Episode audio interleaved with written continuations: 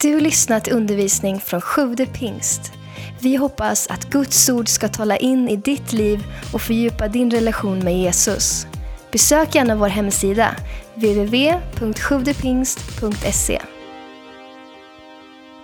Och så otroligt roligt att vara här i Skövde.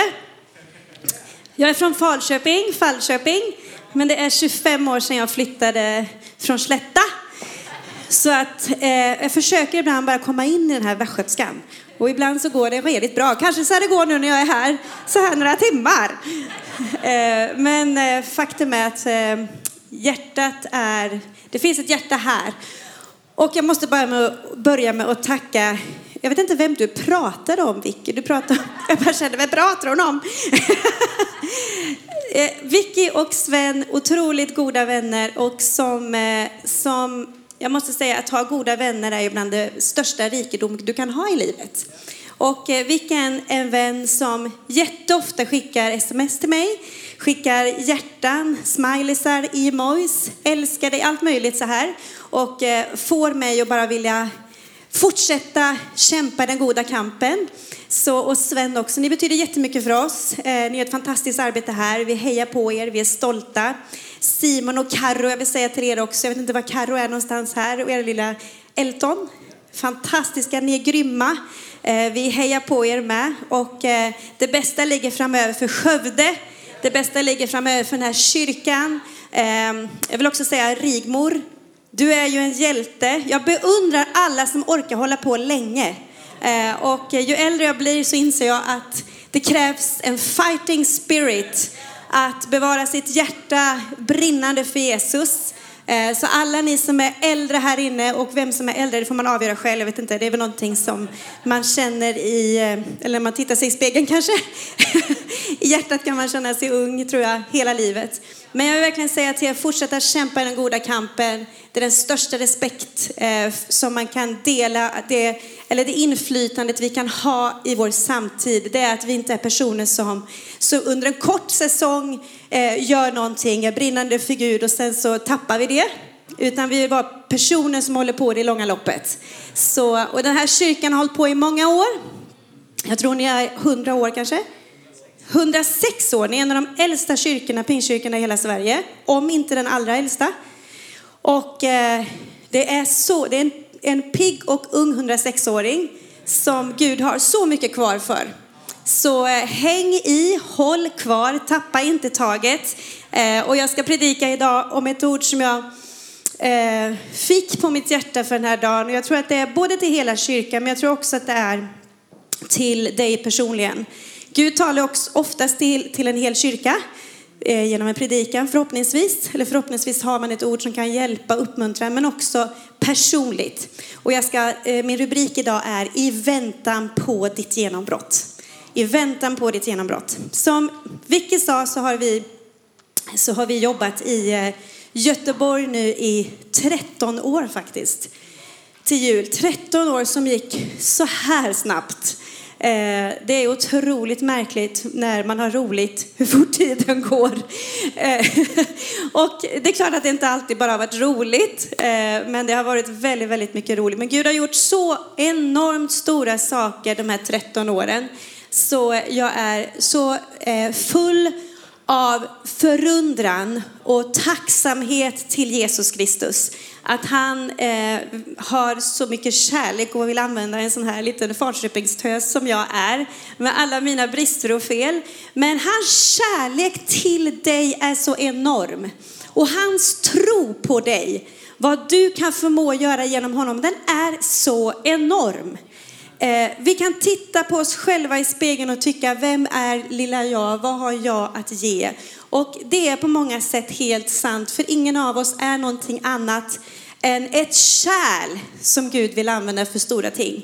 Ingen av oss kan slå oss för bröstet och tycka, wow, jag är så bra.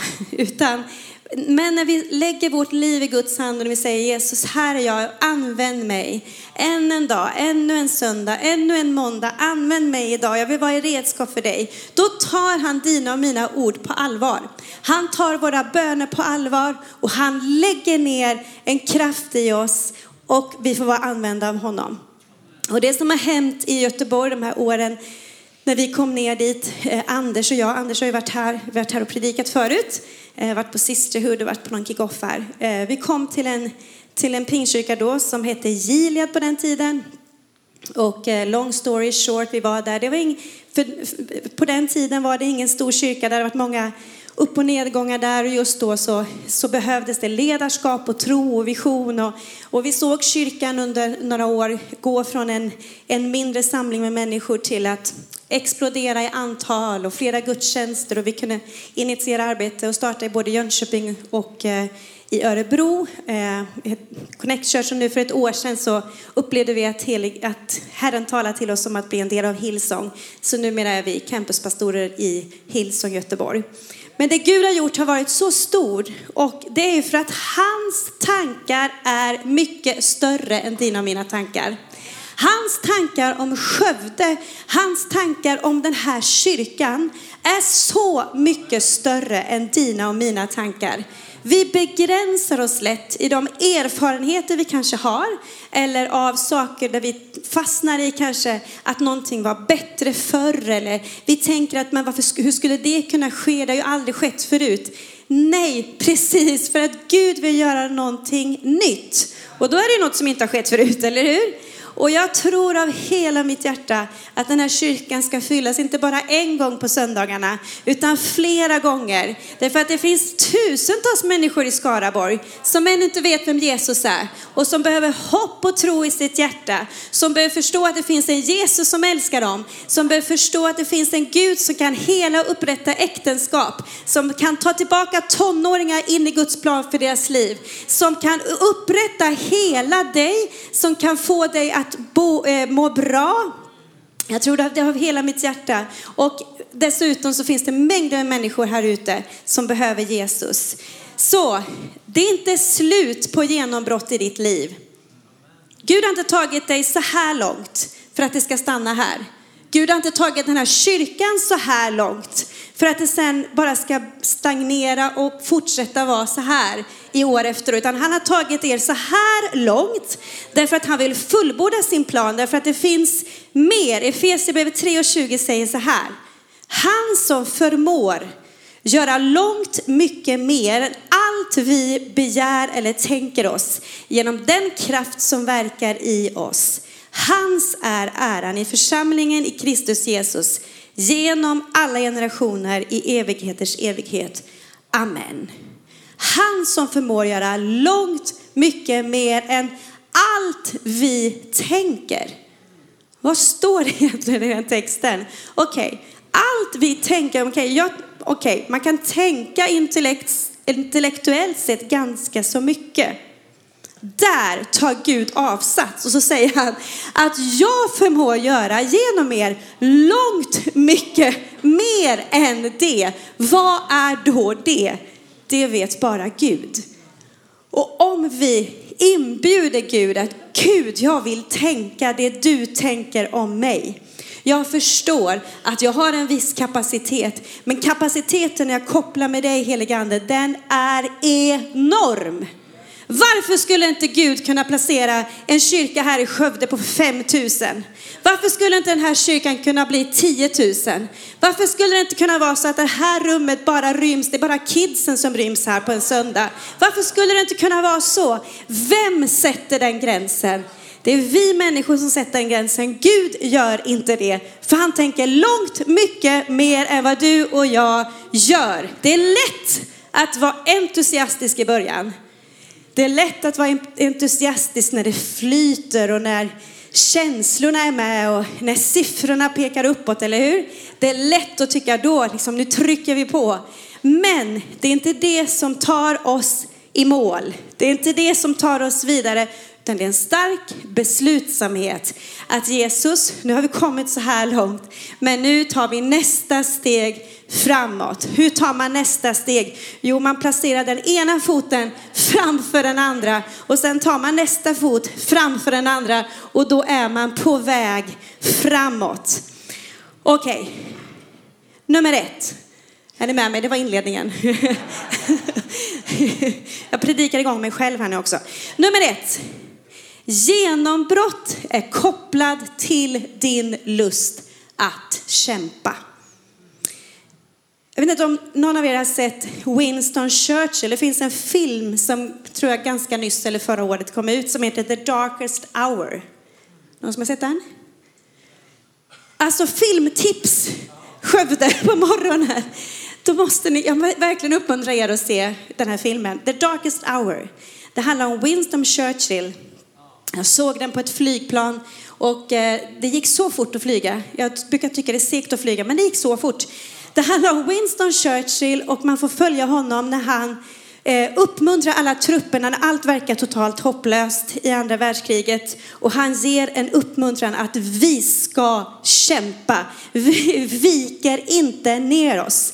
Och han är så beslutsam i den här filmen och jag tror den skildrar väldigt mycket eh, faktiskt hur det riktigt var. Alltså den, den riktiga Winston Churchill. Gå hem och se den ikväll om du vill ha en fighting spirit. För vi vet ju resultatet, resultatet på kriget också. Och då är det uppmuntrande att se, wow vilken man han var. Men han uppmuntrar att vi viker inte ner oss.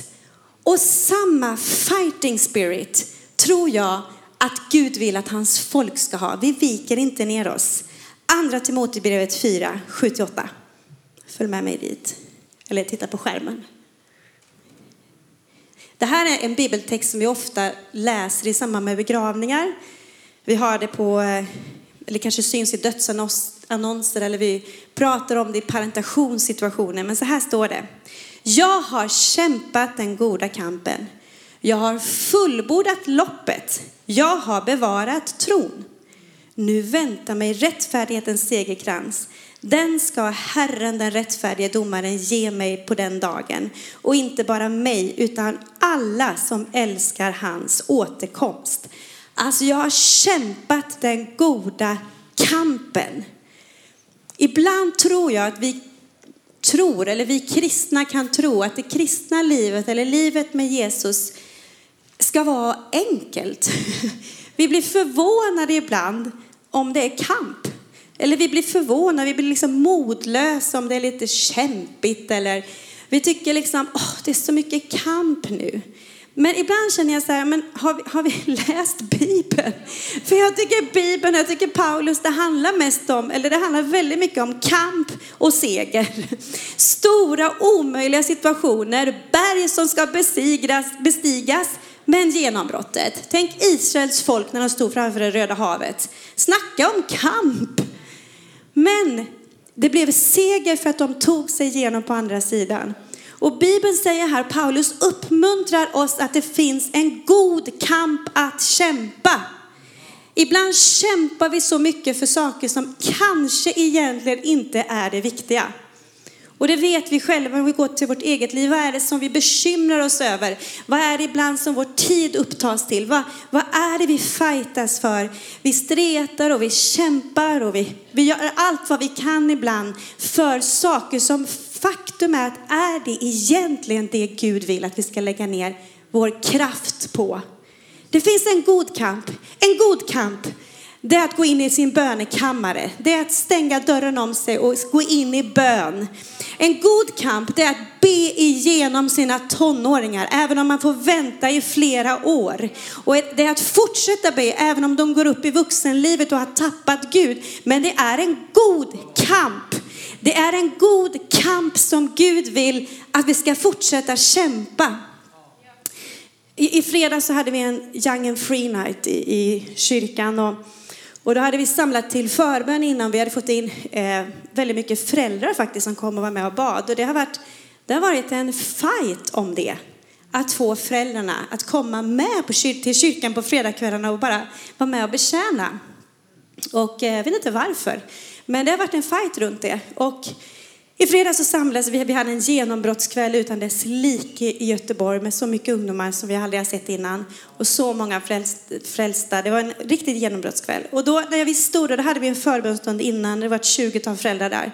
Och när jag tittade mig omkring så såg jag förälder efter förälder efter förälder efter förälder som jag vet själv har tappat sina barn eh, till, alltså barnen är inte längre med i kyrkan. Flera stycken som har vuxna barn som har gått egna vägar i livet och någon som jag vet just nu kämpar med båda sina tonåringar att de ska komma igenom till, till tron och så vidare. Och när jag stod där så kände jag så här, så upplevde jag att något bara reste sig upp inom mig, i min ande, om vi får tala lite sådana termer här. Och jag kände bara i Jesu namn, vi, talade, och vi bad ut en bön över alla.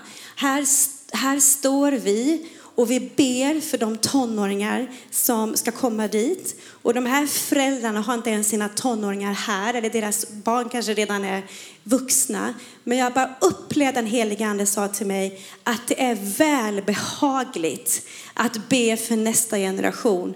För att när du ber för nästa generation så påverkar det även dina egna barn. Eh, och jag talade ut ett kunskapens ord till de här föräldrarna och jag bara väntar på att Gud ska vända deras hjärtan så de hittar Jesus igen. Men det är en god kamp att kämpa. Det är en god kamp att kämpa att Skövde ska få höra talas om Jesus. Det är en god kamp att känna om man kämpar med ekonomi till exempel för att få utrymme för att kunna växa kyrkan. Det är en god kamp. Och Bibeln uppmuntrar oss att kämpa den goda kampen. Det finns en, ett lopp vi ska fullborda. Och jag tror inte någon här, och, och jag har inte gjort Göteborgsvarvet, även om jag har bott i Göteborg i 13 år. Är det någon som har gjort det här inne? Ja. Anders har gjort det flera gånger. Han har gjort Vasaloppet två gånger. Han har gått upp på Kebnekaise. Han har gjort massa sådana omöjliga saker. Någon gång kanske jag gör Göteborgsvarvet. Vicky? Kanske? Ja, varför inte? Eh, och jag är övertygad om, om jag någon gång gör det, så är jag övertygad om att om jag har sprungit 20 kilometer, eh, säger vi, jag har sprungit 20 kilometer och jag har en kilometer kvar, då är jag ganska övertygad om att, att jag, när jag kommer de här passerat 20 kilometer, att jag inte, äh, vänta, äh, men vi struntar nog i det här nu. Nej, jag åker, nej men nu är jag faktiskt riktigt kaffesugen. Så gör vi ju inte, eller hur? Eller Anders som har åkt åtta och en halv mil, säger vi, är nästan i mål liksom. Genom de här fruktansvärda timmarna på skidor. Att man då känner, nej, äh, nej men nu vill jag ha lite mer blåbärssoppa faktiskt. Och lite mer nyponsoppa, nu tar vi det lugnt. Utan självklart, om vi är så nära målet så ger vi ju inte upp.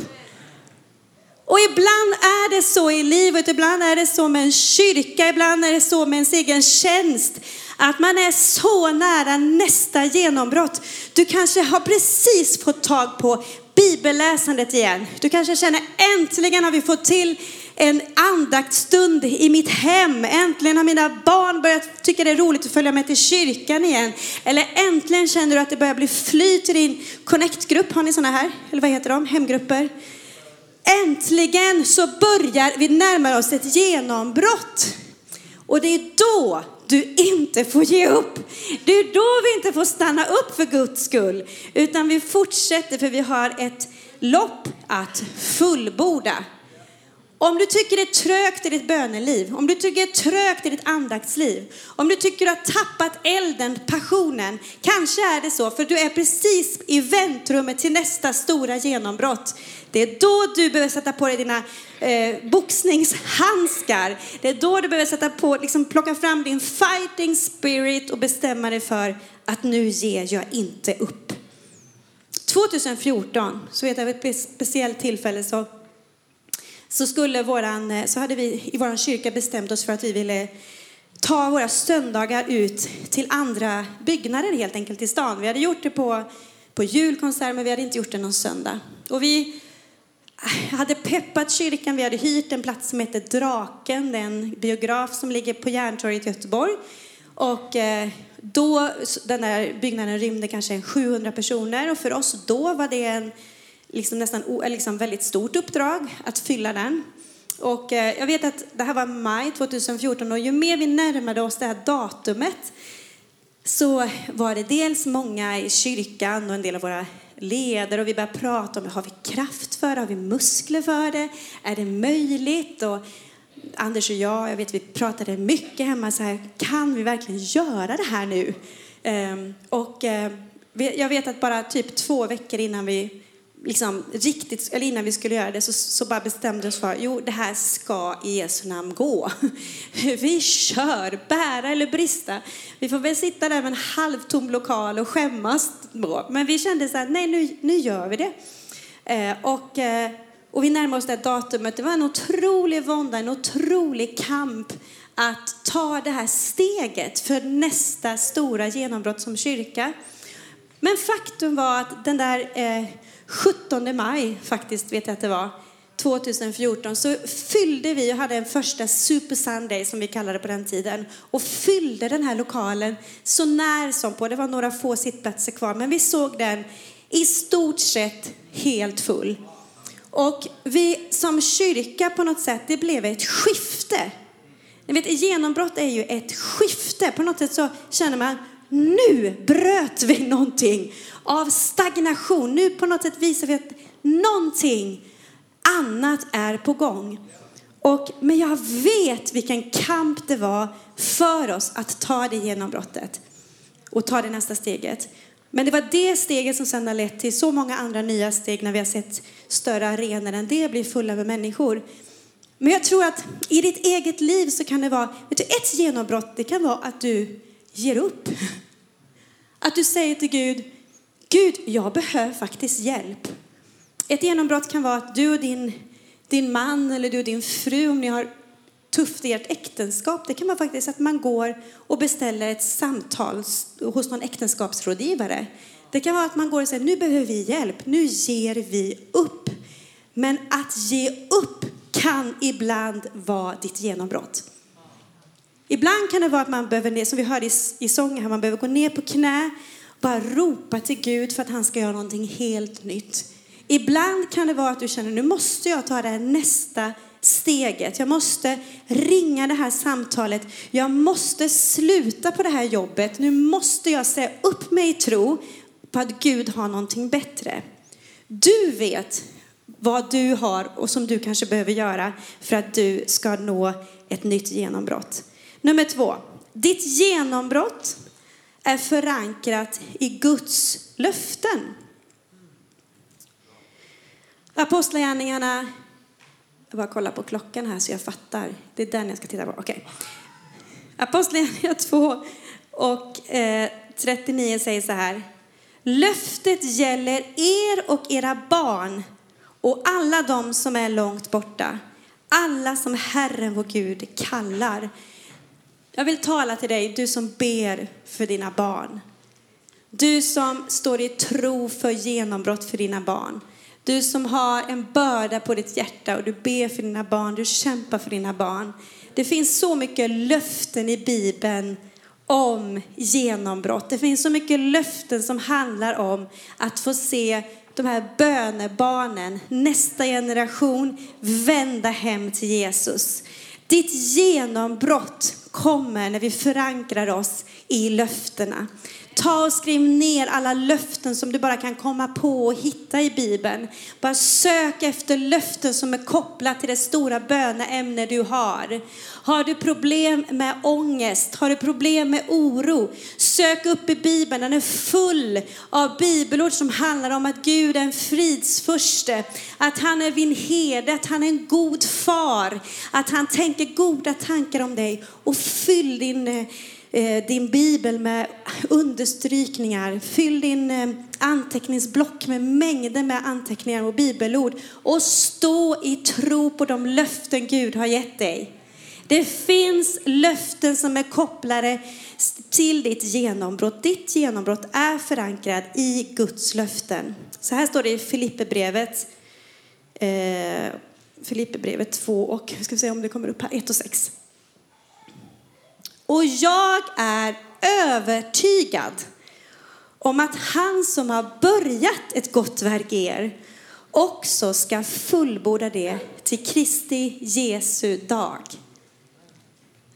Jag ska läsa det en gång till. Och jag är övertygad, min vän här idag, och hela Skövde pingst, om att han som har börjat ett gott verk i er också ska fullborda det till Kristi Jesu dag. Han vill fullborda det han har påbörjat. Han lämnar inga ofärdiga verk. För han är skaparen och han vet att även om kärlet går sönder, även om krukan har krossats och gått ihop, eller vi läser som, när vi läser om krukmakaren som sitter och formar och, och kärlet går sönder i hans hand. Ibland går livet sönder. Ibland har mitt liv gått sönder, ibland känner jag mig krossad, jag känner mig förutmjukad, jag känner mig att nu orkar jag inte mer. Men Gud har inte gett upp om mig då. Och, och Gud har inte gett upp om dig heller då. Utan då börjar han på nytt. Han sätter ihop skärvorna eller han klistrar ihop oss på sitt sätt som bara han kan göra för att han är skaparen. Och han börjar om på nytt. Och det är inte så att du börjar då från ruta ett igen. Utan du fortsätter där du var och han fortsätter och fullbordar ditt verk till han är klar med dig och mig. Och vi har hela, hela livet på oss fram till Jesus tar hem oss. Så det är inte så att du behöver tänka, men jag är, ju, jag är medelålders för allt i världen och allt det här Gud talar till mig, det verkar inte ha hänt. Det står ingenstans i Bibeln att Guds löften är förpassade till en viss tidsålder. Att om du inte är 35 och det största genombrottet i ditt liv har hänt så kommer det inte hända sen. Finns ingenstans i Bibeln. Det är inte som det är i världens sätt att se på saker, i näringslivet eller på många andra platser kan man känna så. Men så är inte Guds rike. Vet du, han som ledde, eller hon som ledde Anders till tro på Jesus när Anders var 19 år gammal. Han har kanske berättat det här förut någon gång. Men hon var, eh, hon var 85 år gammal. Hon var en bönekvinna med knut i nacken uppe i Luleå, en avlägsen släkting till Anders familj. Hon stod i tro i bön för Anders. Hon hade först fått en tro för att Anders pappa skulle bli pastor och missionär. Hon bad för honom, han var en eh, systers barnbarn, eller systers barn. Och hon bad, men sen efter några år så började Anders bli intresserad av Jesus på något märkligt sätt. Han dök upp i hennes hem som tonåring och lyssnade på henne när hon berättade om Jesus och hon bad för honom. Och hon fick en sån tro för att den där Anders ska bli frälst. Den där Anders ska bli pastor en vacker dag. Och Anders som var helt på ett helt annat plats i livet, inte hade någon sån tanke, helt plötsligt får en längtan efter Jesus, börjar läsa sin bibel, dyker upp hemma hos henne och en dag när han är 19 år, när han går hem från tekniska gymnasiet, så bjuder han in Jesus i sitt hjärta. And the rest is history. Han har varit pastor i över 30 år, byggt kyrkor i det här landet. Och hon var 85 år. Tänk om hon inte hade gjort det Gud manade henne att göra. Då vet vi inte om Anders hade varit eh, kristen, vet inte jag, hade troligtvis inte stått här. För det var när vi två kom tillsammans som jag började upptäcka vad Gud hade för plan för mitt liv. Så vilken ålder du än är här inne, Gud har inte gett upp om dina drömmar.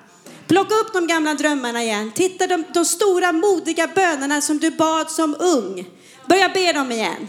Kanske inte blev riktigt som du hade tänkt. Livet blir inte alltid riktigt som vi har tänkt. Men han ger inte upp om oss. Och du kanske har tänkt, och jag hade önskat det hände för. Absolut, det är mycket vi kan önska ibland. Men släpp det och gå vidare framåt. Gud vill använda dig, vilken ålder du än är. Det finns, vi sitter inte på avbytarbänken. Vårt engagemang ser kanske lite olika ut. Beroende på vilken säsong vi är, vilken hälsa vi har i kroppen. Men Gud behöver använda dig. Han behöver varenda en för att bygga Guds rike. För det han har tänkt för den här stan, för Skaraborg, för den här kyrkan. Romarbrevet 16 och 20 står så här. Fridens Gud ska snart krossa Satan under era fötter. Vår Herre Jesu Kristi nåd vare med er. Vi har en fiende som vill göra allt ibland för att kväva vår inspiration, kväva allt liv. Bara få oss att tappa fokus, titta på fel saker, lyssna på fel röster, stanna upp, framförallt sätta oss ner och bli passiva. Och därför så behöver vi resa oss upp. Vårt genombrott är förankrat till de löften Gud har gett oss. Och ett av de löftena är att snart ska Satan krossas under mina fötter. Och jag kan säga att det här bibelordet är en av de bibelord jag läste för över 20 år sedan. När ångest och panikångest höll på att kväva hela mitt liv. Och långt innan jag hade någon aning om vad Gud visste för mig så, så höll jag på att tappa allt hopp, allt liv. Att jag någonsin skulle kunna bli mamma, att jag någonsin skulle kunna stå och predika, att jag skulle kunna hålla ihop ett äktenskap eller vad som helst. Men jag läste det här bibelordet om och om igen.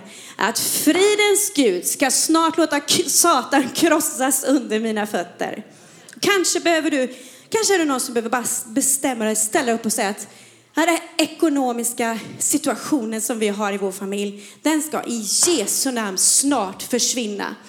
Eller den här ofriden jag känner, eller den här kampen jag ständigt har. Den här eh, ofriden jag känner när jag åker till mitt jobb. I Jesu namn så ska det här gå över nu. Och bara bestämma sig för att nu ska jag få se ett slut på det här. Ett genombrott för att Gud är på färd att göra någonting nytt. Det sista punkten. Ditt genombrott accelereras när du väljer att prisa Jesus. Vi har fått ett sånt vapen i lovprisningen. Vi har fått ett sånt vapen i, ett, i förbönen i lovprisningen. Men följ med mig till Apostlagärningarna 16 och 25. Vid midnatt var Paulus och Silas i bön och lovsång till Gud medan fångarna lyssnade på dem. Plötsligt kom ett kraftigt jordskalv så att fängelset skakade sina grundvalar. I samma ögonblick öppnades alla dörrarna och alla bojor lossnade och föll av. Fångvaktaren vaknade och när han fick se att fängelsedörrarna stod öppna drog han sitt svärd och skulle just ta sitt liv eftersom han trodde att fångarna hade flytt. Men Paulus ropade högt, gör det inte illa, vi är här allesammans. Då bad han om ljus och rusade in och föll skräckslagen ner inför Paulus och Silas. Sedan förde han ut dem och frågade, Herre, vad ska jag göra för att bli frälst? De svarade, tro på Herren Jesus så blir du frälst, du och hela din familj. Och de förkunnade Herrens ord för honom och för alla i hans familj. Det här är en situation när Paulus och Silas sitter fängslade. Jag har själv varit i fängelsehål nere i, i Rom eh, och förstår det. Säkert har du också, flera stycken varit det. Det är en mörk, kall situation, totalt låst. Eh, man är kedjad, fastkedjad. Ibland kan vi i livet känna att livet är så, eller hur? Om vi ska vara helt ärliga. Ibland känns det som, hur i hela friden ska vi komma ur den här situationen? Hur ska det någonsin kunna bli en förändring? Det här känns så mörkt, det här känns så hopplöst, det känns som jag är fastkedjad, jag kommer ingenstans. Och där och då gör Paulus och Silas någonting som vi läser om många, många, många, många år senare de lär oss en princip. De här bibelverserna ekar i vår tid 2018 idag. Att hur mörkt den kan vara så kan vi välja att lyfta upp vår röst. Vilken säsong vi än är i så kan vi välja att höja vår röst och prisa Jesus. Och det som sker här är makalöst. Snacka om genombrott. Kedjor faller av. Inte bara så att de blir fria, men så att hela fängelset och den generationen som finns runt fångvaktarna, familjerna, frågar vad är det som har hänt? Varför är de här människorna fria? Och en hel situation, en total, en hel fängelse får uppleva frälsning. Höj din röst, vilken situation du än är. Hur mörkt du än har det just nu, hur mörkt det än är i, din, i ditt äktenskap eller din familj eller, eller på din arbetsplats eller hur mycket det än känns som att nu måste vi bryta igenom. Eller i den här kyrkan. Varför inte höja sin röst mer än någonsin för att det som håller den här stan fängslad ska få uppleva frihet. Så att människor känner att vem man än är så helt plötsligt får man en längtan. Jag måste till Jesus, jag måste till kyrkan, jag måste höra vad min jobbarkompis, varför hon ser så glad ut. Jag måste bara få höra vem den där Jesus är. Att höja sin röst i livets alla omständigheter, prisa kungars kung och herrars herre, det gör att våra bojor bryts. Ska vi bara resa oss upp här inne, allihopa här inne. Tack för att du lyssnat. Glöm inte att du alltid är välkommen till vår kyrka. Du hittar mer info på www.sjuvdepingst.se